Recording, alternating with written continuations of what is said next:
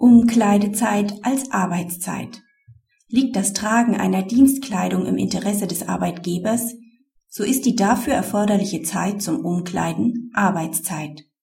Die Regelung über das Umkleiden unterliegt der betrieblichen Mitbestimmung. Die Arbeitnehmer des Arbeitgebers sind nach einer Gesamtbetriebsvereinbarung dazu verpflichtet, eine von ihm gestellte Firmenkleidung zu tragen. Eine Betriebsvereinbarung regelt Beginn und Ende der Arbeitszeit sowie Lage und Dauer der wöchentlichen und täglichen Arbeitszeit. Der Arbeitgeber ermahnt mehrere Arbeitnehmer, weil diese ihr Arbeitsende erst nach dem Umkleiden im Zeiterfassungssystem eintragen.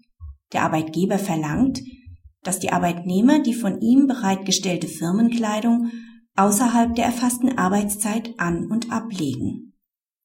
Der Betriebsrat beantragt festzustellen, dass diese Anordnung des Arbeitgebers eine Änderung der Arbeitszeit im Sinne von 87 Absatz 1 Nummer 2 Beta VG ist und daher ein Mitbestimmungsrecht besteht. Arbeitsgericht und Landesarbeitsgericht weisen den Antrag des Betriebsrats zurück. Erst das BAG gibt der Rechtsbeschwerde statt. Der Arbeitgeber kann danach nicht allein darüber entscheiden, ob die Umkleidezeit zur Arbeitszeit gehört. Der Begriff der Arbeitszeit im Sinne von 87 Absatz 1 Nummer 2 Beta VG bestimmt sich dem Normzweck entsprechend anders als im Arbeitszeitgesetz nicht nach dem Umfang der tatsächlich geleisteten Stunden, sondern betrifft die Lage der Arbeitszeit in Abgrenzung zur Freizeit, in der der Arbeitnehmer nicht zur Arbeitsleistung verpflichtet ist. Das Umkleiden ist dann Bestandteil der Arbeitsleistung, wenn es allein dem Bedürfnis des Arbeitgebers Rechnung trägt und insoweit fremdnützig ist. Das Ankleiden mit Dienstkleidung ist nicht fremdnützig, wenn sie zu Hause angelegt und auf dem Weg zur Arbeit getragen werden kann, ohne im öffentlichen Raum besonders auffällig zu sein.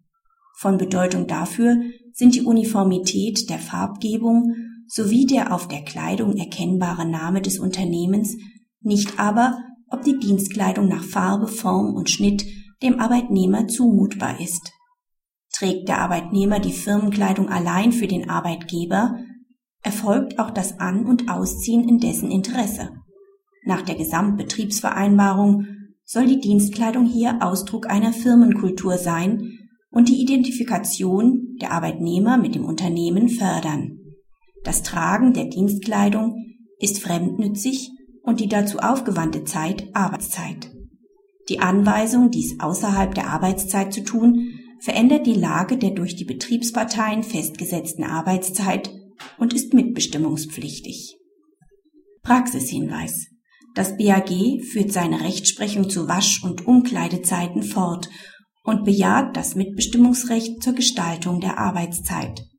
Zugleich stellt es Kriterien für die Auffälligkeit von Firmenkleidung im öffentlichen Raum auf. Betriebsparteien sollten daher bei der Festlegung der Arbeitszeit auch der Umkleidezeit Beachtung schenken